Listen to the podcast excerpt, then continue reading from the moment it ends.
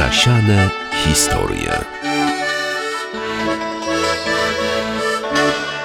Dzień dobry Państwu, już parę minut po szóstej, a więc pora na zasiane historie. Zapraszam Państwa serdecznie, jak co sobotę, do Muzeum Wsi Lubelskiej.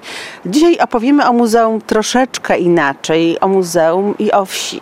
Kiedy czytamy Oskara Kolberga i te jego takie, powiedzmy sobie, piękne historie o wsi, gdzie społeczność wspólnie przeżywała każdą chwilę, łącznie ze stawianiem domów, o tym, że tak naprawdę każdy potrafił wykonać mnóstwo różnych przedmiotów i żyło się biednie, dobrze, ale zgodnie z porą roku i z nakazem boskim, to zastanawiamy się w takich sytuacjach, co zrobić, żeby taki idylliczny, ale też piękny i czasami trudny świat pokazać naszym gościom.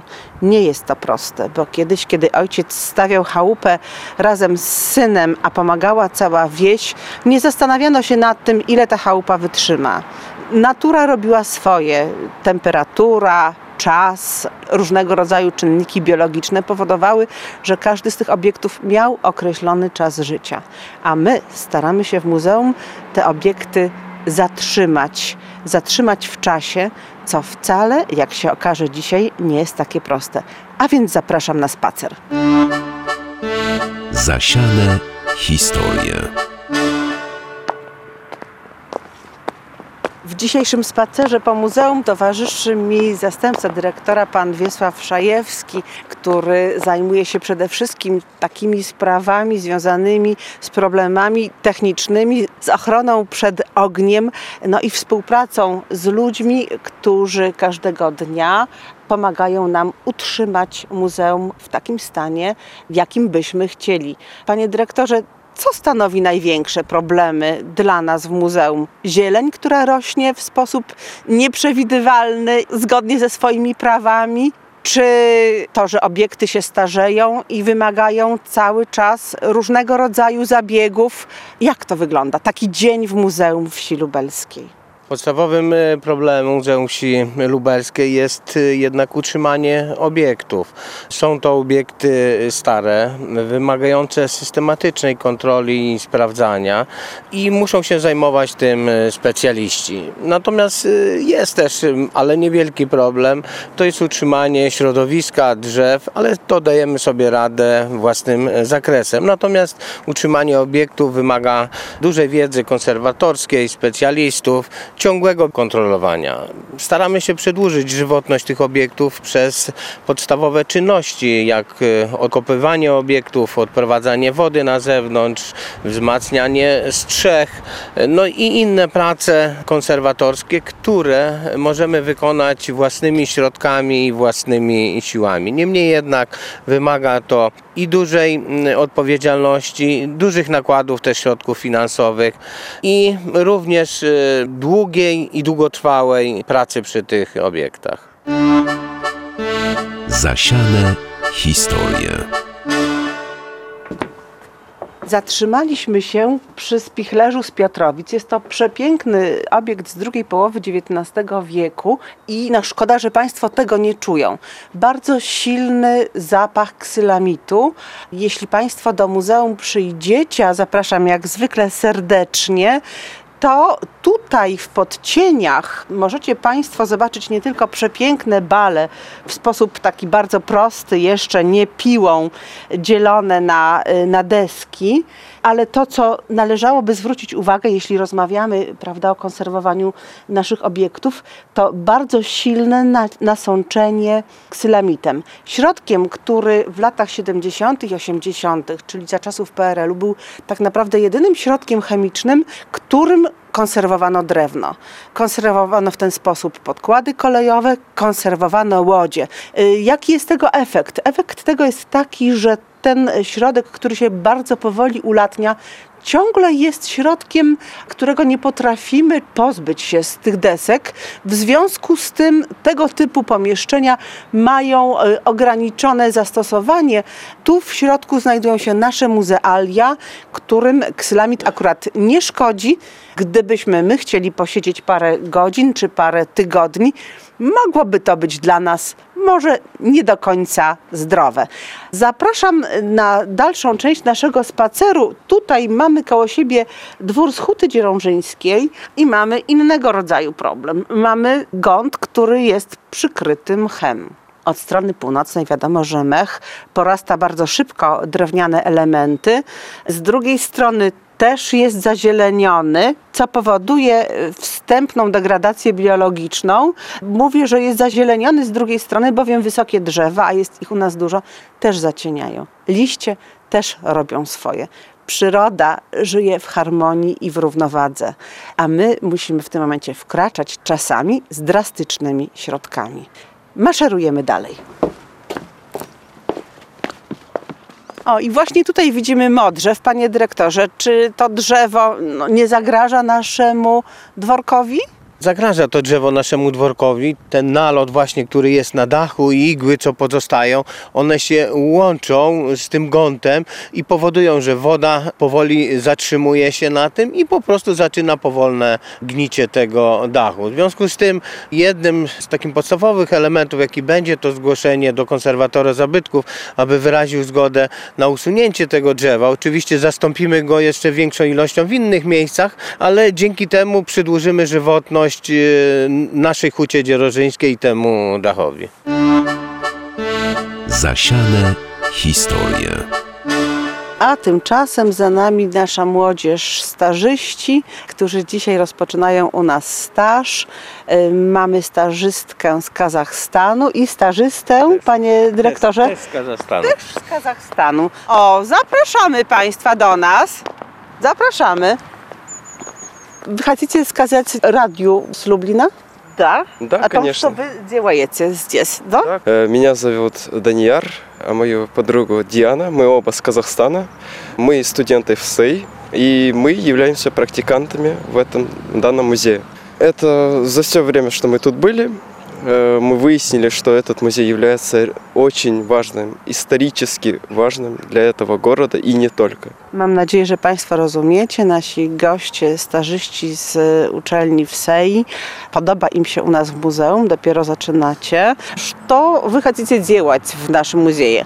Мы хотим узнать э, вообще, как он в целом устроен, то есть я имею в виду географически, его уровни, как они обустроены.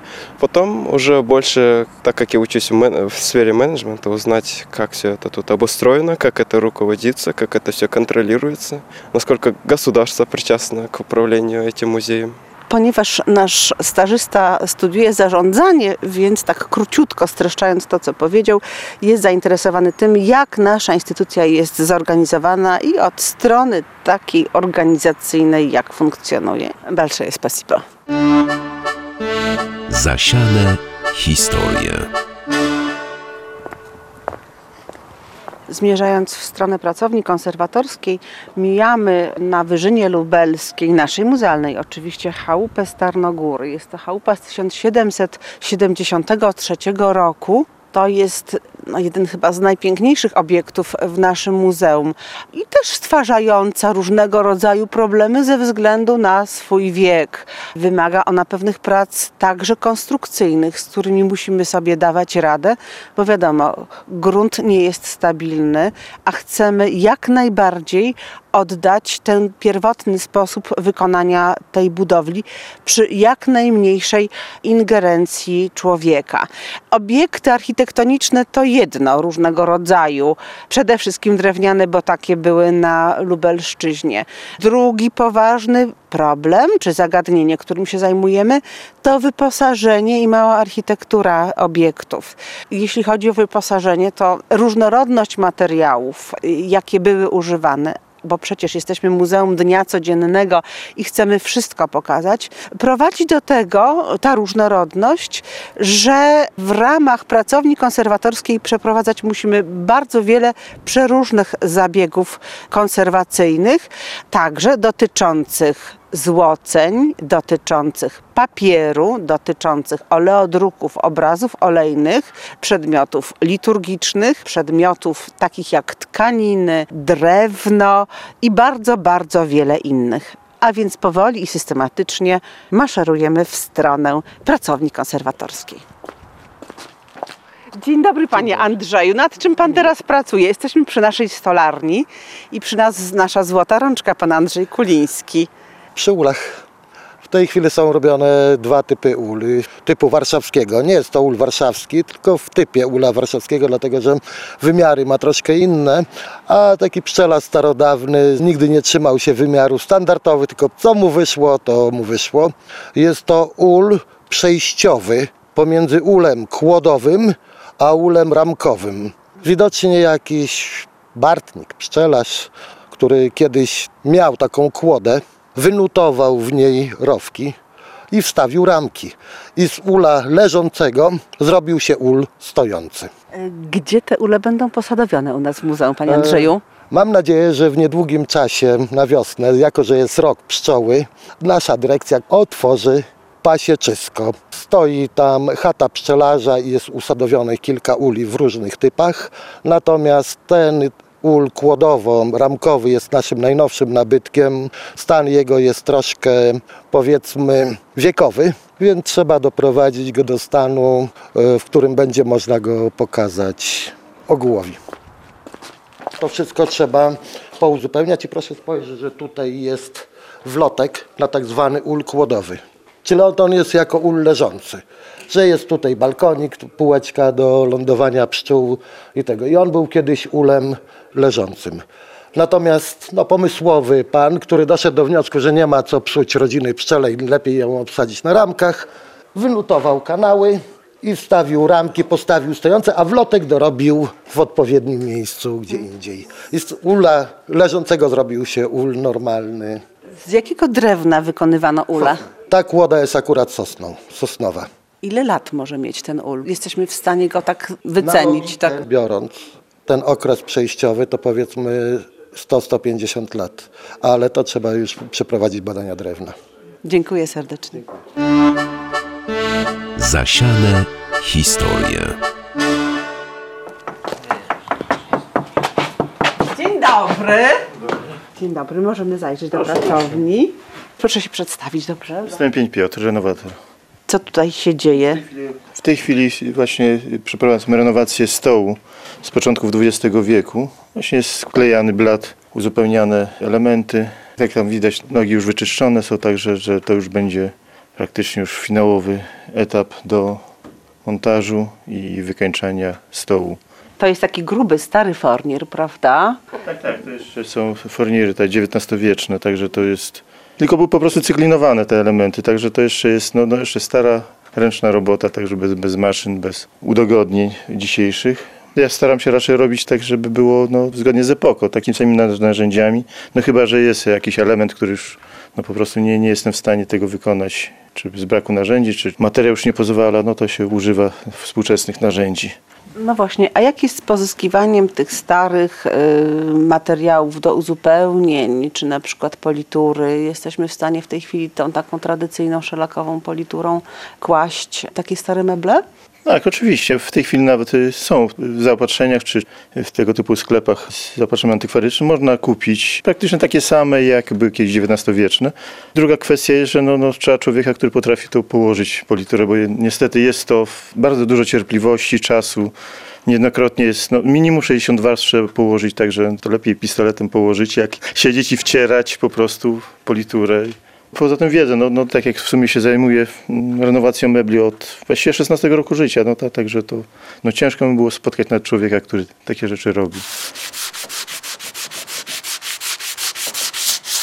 Ile godzin pracy przeznaczy Pan na, na ten stół? Jest Pan w stanie powiedzieć nam? Znaczy w tym wypadku, w wypadku tego stołu, no to nie był tak aż, no on był posychany, popękany, także to nie było jakichś, trzeba było zabezpieczeń przeciwko robakom, czy, czy utwardzania jakiegoś specjalnego.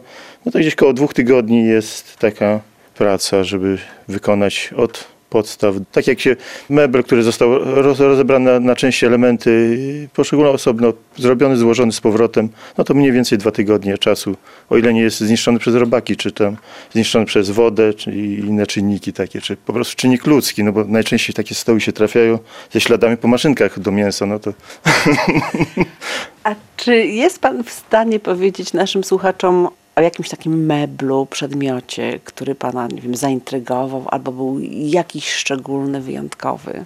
Właściwie każdy ma swoją historię. No to, to jest w sumie tak, że, że jeżeli biorę mebel, na przykład kiedyś robiłem mebel, komodę, która miała być komodą francuską. Z moich badań okazało się, że to nie była francuska komoda, tylko była komoda saksońska z XVIII wieku, którą w Anglii przerobiono na francuską, bo lepiej by poszła na rynku. Tego typu historie. Tak jak mówię, jak robię meble, do tego stopnia się utożsamiam się z człowiekiem, który kiedyś robił, że popełnia te same błędy. No to to jest właśnie miłość mojego życia, meble. Czy nie jest to, proszę Państwa, piękna historia? Dziękujemy serdecznie i maszerujemy dalej do kolejnych pomieszczeń. Dziękujemy serdecznie, do widzenia.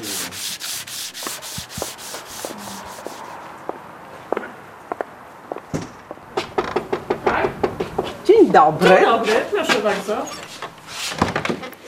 Znaleźliśmy się w pomieszczeniu, gdzie przede wszystkim konserwacji podlegają przedmioty metalowe, a jeżeli trzeba, mamy tutaj ogromne takie dwa zlewy, gdzie y, także konserwacji podlegają tkaniny. Przede wszystkim są prane, doprowadzane do jakiegoś ładu, bo z tkaninami też jest sporo problemów.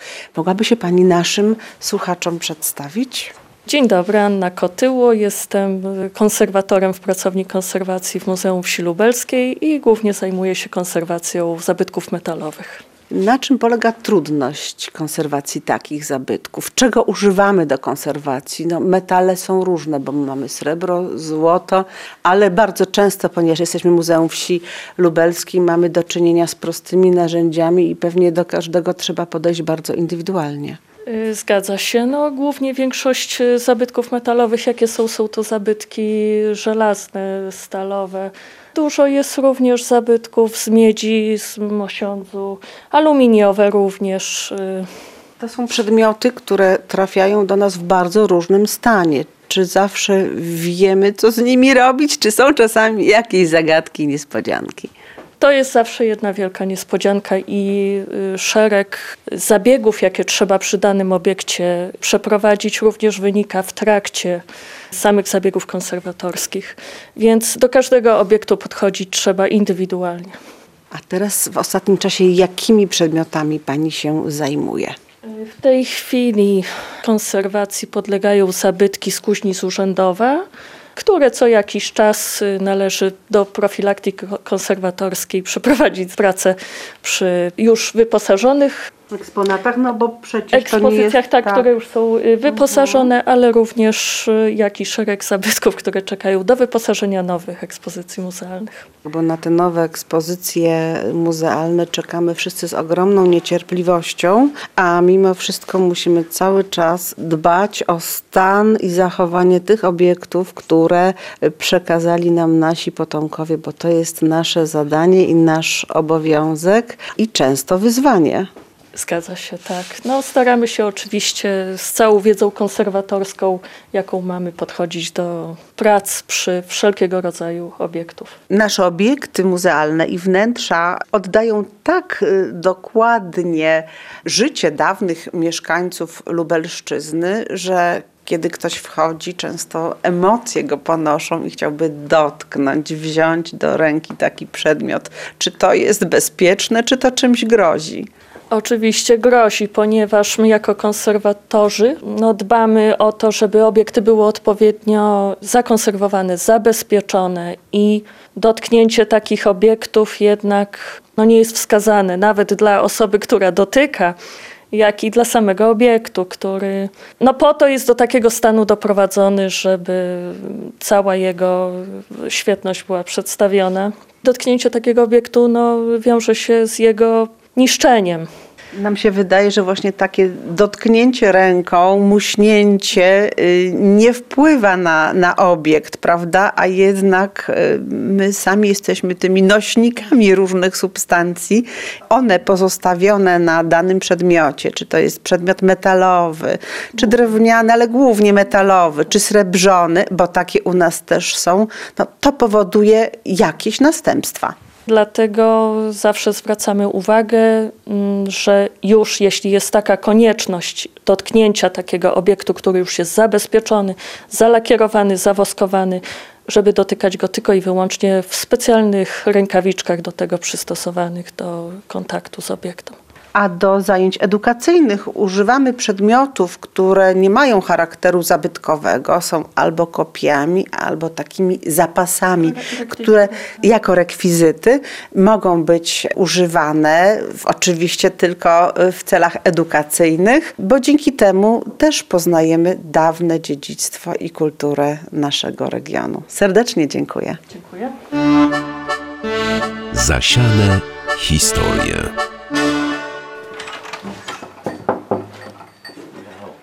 Wchodzimy do pracowni konserwatorskiej i tu pachnie pięknie.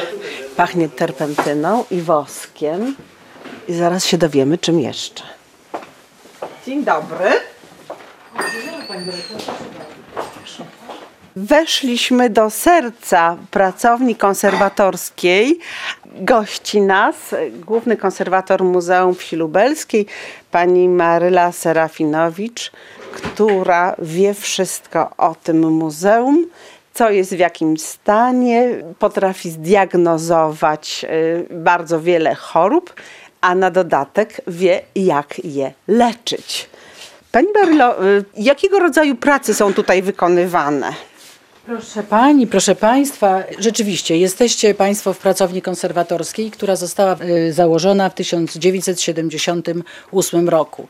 Pracownia ta miała za zadanie podstawowe zadania. Przede wszystkim rozpoznanie stanu zachowania obiektów, zatrzymania wszystkich procesów niszczycielskich i procesów destrukcyjnych, które w tych obiektach przebiegają, zatrzymania procesów spowolnienia procesów starzeniowych, bo jak Państwo wiecie, każda materia, każde tworzywo, również niestety my, podlegamy procesom starzeniowym. I te procesy możemy albo przyspieszać niewłaściwym postępowaniem, brakiem wiedzy, brakiem przygotowania konserwatorskiego, bądź możemy je skutecznie powstrzymać, spowolnić. Nasze zadanie kolejne to jest przygotowanie obiektów do ekspozycji. To, co Państwo widzicie na ekspozycji, czyli wyposażenie wszystkich, wszystkich podkreślam, przestrzeni ekspozycyjnych, jeśli chodzi o etnograficzne, obiekty architektury, o sakralne cały sektor, o dworski, częściowo również e, cerkiewny. To jest dzieło opieki, wieloletniej opieki, wieloletniej pracy konserwatorów, którzy tutaj byli zatrudnieni w pracowni konserwatorskiej. To jest to, co odebraliśmy siłą niszczycielskim, jeśli chodzi o te obiekty. Bo jak Państwo wiecie, zrobię kolejną dygresję. Te obiekty, które trafiają tu do skansenu są, prezentują specyfikę, jeśli chodzi o obiekt zabytkowy, o dobro kultury. To nie jest tak jak w innych muzeach, muzeach o określonym typie zbiorów, że przychodzi tylko rzecz, która z punktu widzenia dokumentacyjnego, historycznego, artystycznego, kulturowego jest cudowna, ma takie wartości, które predestynują ją do zatrzymania w zbiorach. My niestety mamy wszystko.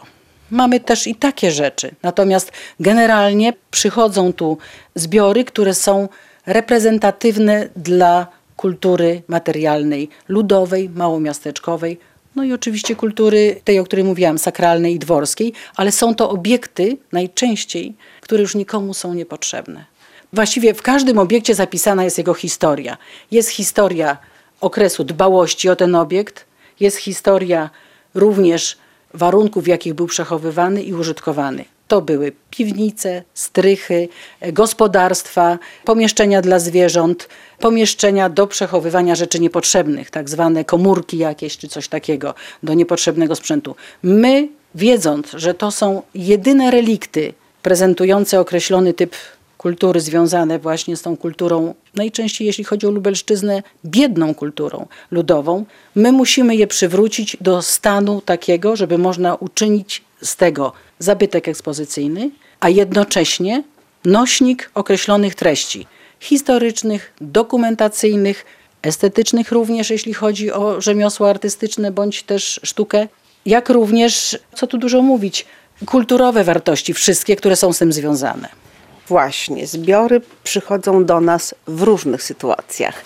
Niektórych poszukujemy. Ostatnio też y, przygotowujemy się do otwarcia remizy i poszukujemy w związku z tym przedmiotów, które z remizą z okresu międzywojennego są związane. Dokładnie wiemy, czego potrzebujemy, ponieważ te materiały, których szukamy, są dokładnie opisane przygotowanym przez naszych pracowników scenariuszu. Ale pojawiają się też przedmioty tego typu. Likwiduję domek babci albo dziadków, wyjeżdżam za granicę, mogę spalić, mogę wam przekazać, róbcie z tym, co chcecie. Czasami nawet mamy takie sytuacje, że niektóre przedmioty ludzie nam podrzucają lub przesyłają listem. Nie jest to dobra sytuacja i w takich sytuacjach jesteśmy postawieni na baczność i takich przedmiotów nawet nie powinniśmy przyjmować, bo dla nas przedmiot, który przyjmujemy do muzeum, ma też ważną swoją historię gdzie powstał, w jakich warunkach powstawał, skąd pochodził i chcemy zawsze aby ten przedmiot miał opisaną całą swoją historię. Nie zawsze jest to możliwe, ale na miarę naszych możliwości staramy się te informacje pozyskiwać, bo to jest właśnie ta opowieść o dawnej Lubelszczyźnie, y, o tym życiu codziennym. I tak jak y, pani powiedziała, mamy do czynienia z wszystkimi rodzajami materiałów. Czasami są to tkaniny, czasami jest to delikatny jedwab, a czasami jest to skóra Czasami jest to drewno, czasami jest to oleodruk, czasami jest to papier i do każdego z tych przedmiotów trzeba podejść w sposób bardzo indywidualny. Tak, oczywiście. No my to, co pani dyrektor powiedziała, to jest pierwszy etap. To jest etap naszych kolegów, którzy prowadzą działalność merytoryczną. Konserwacja jest działem interdyscyplinarnym, ponieważ nasze badania dotyczą zarówno technologii, technik wykonania, rozpoznania obiektu, stanu zachowania, jego budowy itd., tak itd., tak ale również prowadzimy tak zwane badania proweniencyjne. Badania, które po odczytaniu tego, co jest zawarte w przedmiocie, możemy interpretować. I wiedza, którą tutaj posiadamy, poza wiedzą teoretyczną, warsztatową, to jest coś najbardziej wartościowego. To jest wiedza i doświadczenie nabyte przez te wszystkie lata. W tej pracowni nie było zatrudnionych ludzi przypadkowych tu zawsze byli ludzie zatrudnieni tak, aby można było bez stresu i bez e, narażenia obiektu na niepotrzebne konsekwencje pracować. Dowodem tego jest ekspozycja, dowodem tego są liczne nasze wystąpienia na różnych konferencjach, dowodem tego jest e, również możliwość korzystania przez inne placówki z naszych doświadczeń. Także my dostajemy rzeczywiście już obiekt, który jest wybrany. Dla nas, jeśli chodzi o zakres prac konserwatorskich, jeśli chodzi o materię, na pewno tak, to my wiemy najlepiej, co zrobić, ale pozostaje druga sfera. Do jakiego stanu przygotować obiekt wizualnie konserwatorsko, żeby spinał się i odpowiadał tym uwarunkowaniom, które są na dany okres, w danym miejscu wymagane bezwzględnie. I my tutaj mamy tą wymianę myśli, wymiany doświadczeń z kolegami opracowującymi scenariusze, to bezwzględna jest współpraca, ponieważ e, dopiero wtedy to, co chcemy pokazać, może mówić prawdę. Tam nie może być obiektów, które mogą być doprowadzone do stanu przypominającego wygląd pierwotny, ale na przykład z pełnym opracowaniem estetyki przedmiotu. To raczej do przedmiotów, które są z dziedziny artystycznej. Natomiast tutaj musimy uwzględnić wszystko. Sposób użytkowania, przez kogo był użytkowany, w jakim miejscu stał, co on ma mówić o danej rodzinie, zwłaszcza o jej społecznym statusie między innymi, prawda? Czyli to wszystko musimy uwzględniać w swoich działaniach. I tu jak gdyby przechodzimy do kolejnego etapu. Konserwacja nie zabezpiecza przedmiotu do końca konserwacja przekazuje ten obiekt na ekspozycję po to, aby w dalszym ciągu, według wyznaczników profilaktyki konserwatorskiej, inne ręce go chroniły. Chronili go opiekunowie, chroniła go administracja, bo ważne jest otoczenie przedmiotu. To są ściśle określone uwarunkowania nauką konserwatorską. Jak ma wyglądać każde otoczenie przedmiotu? Najbliższe, ale również otoczenie szerokie, czyli budynek, obiekt.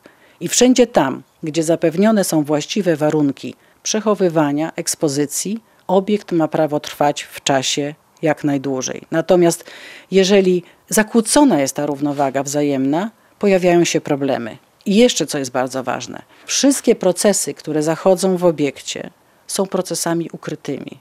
To są procesy związane z tym, jak zbudowany jest obiekt, jak właściwe techniki i technologie były przeprowadzone, a może reparacje też we wcześniejszym okresie, a może warunki przechowywania, a przede wszystkim warunki ekspozycji.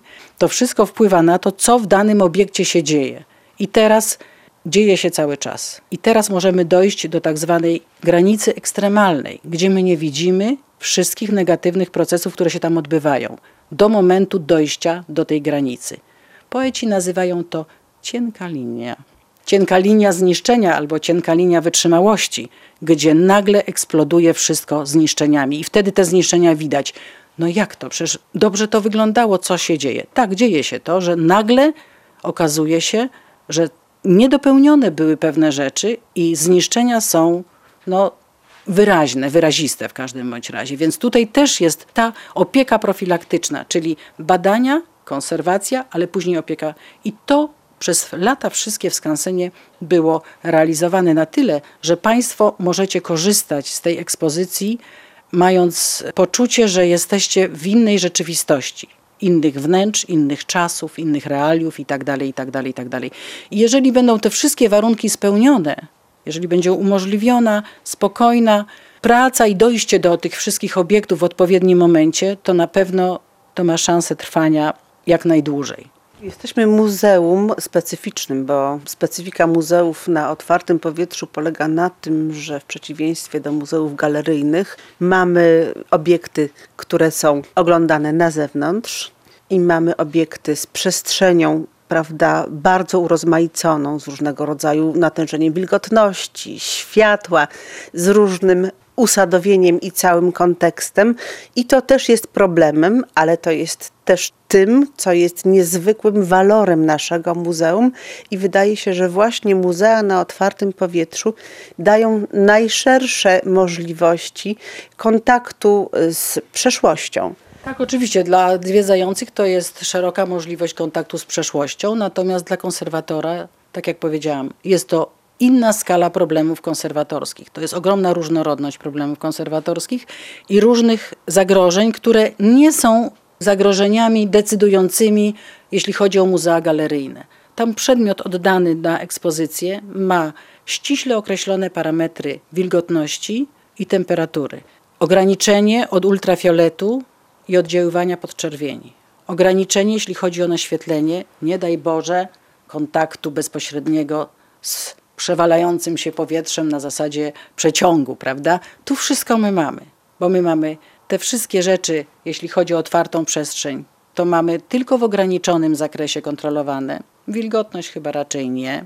Poza wnętrzami typu kościół, typu dwór, typu plebania, gdzie rzeczywiście wnętrze, każde etnograficzne wnętrze to jest dostęp wszystkiego. Łącznie z kurzem, który jak wiemy jest nie tylko dlatego, że psuje estetykę przedmiotu, niedobry. On jest nośnikiem wszystkich możliwych infekcji mikrobiologicznych, czyli pleśni, zarodników pleśni, grzybów, jakichś substancji organicznych, które nagle się okazuje, że do powierzchni złoconych się doklejają, nie wiadomo skąd, są to pyłki kwiatowe, które już pozostawiają przez dłuższy okres czasu pozostawione z mm, dostępem wilgoci, a taka jest w otoczeniu bezpośrednim, one powodują już określone zmiany powierzchniowe, zmiany w strukturze, w postaci przebarwień, w postaci zmian optycznych itd. itd., itd.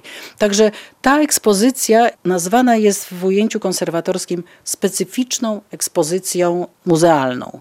O określonych warunkach, o warunkach, które nie mogą być do końca y, opanowane, ale robimy wszystko, wszystko robimy, żeby, tak jak powiedziałam, wpływ zewnętrzny, negatywnych zewnętrznych warunków ograniczyć, po to, żeby jednocześnie spowolnić wszystkie procesy starzeniowe w obiekcie.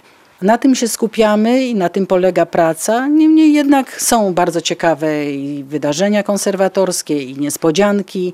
To, co w tej chwili jeszcze daje pewną satysfakcję, to kilkanaście lat temu jeszcze nie było możliwe przewidywanie negatywnych skutków zastosowania pewnych substancji. W tej chwili my już to możemy możemy badać substancji, które są agresywne zarówno w stosunku do obiektu, jak i w stosunku do zdrowia ludzi.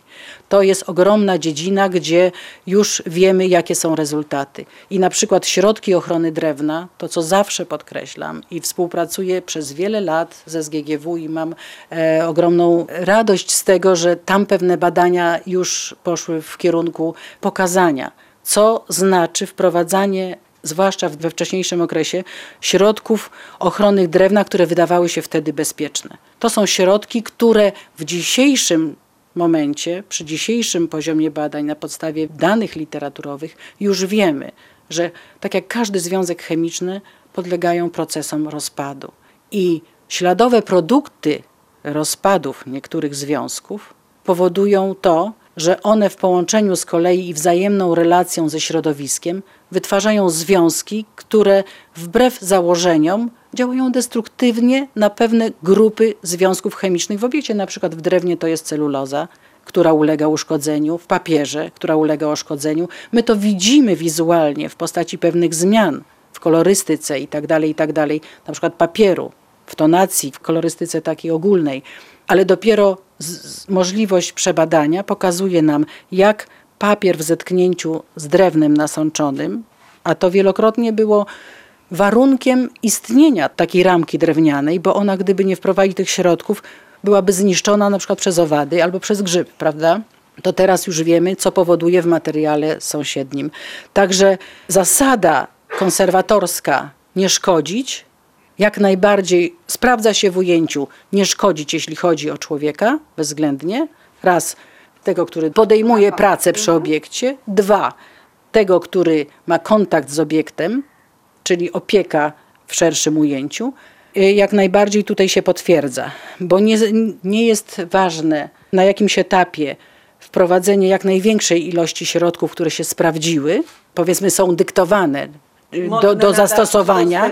Znaczy modne nie, bo w konserwacji jest tak, że używa się tylko materiałów, które są przewidziane w badaniach konserwatorskich i zalecane. Na pewnym etapie są uznane za takie, które można stosować, natomiast po iluś tam latach okazuje się, że jednak nie. Że jednak można było stosować, ale w ograniczonym zakresie. Że tylko tam, gdzie pojawiają się ogniska, występowania negatywnych rzeczy, negatywnych procesów. Pani Marlo, co się udało w zeszłym roku ciekawego dla muzeum uratować? O, ciekawego. W zeszłym roku y, przygotowywaliśmy obiekty do wyposażenia zagrody czy chałupy z Brzezin z 1880 bodajże 6 roku. Także to są obiekty o najstarszym archaicznym charakterze. Udało się uratować y, trochę bardzo trudnych, jeśli chodzi o technologię obiektów, a będących w powszechnym użytku etnograficznym to są tak zwane eleodruki. To są druki, które są bardzo wrażliwe na wszystkie oddziaływania zewnętrzne, a jednocześnie przywiezione z takich już rozpadających się domów.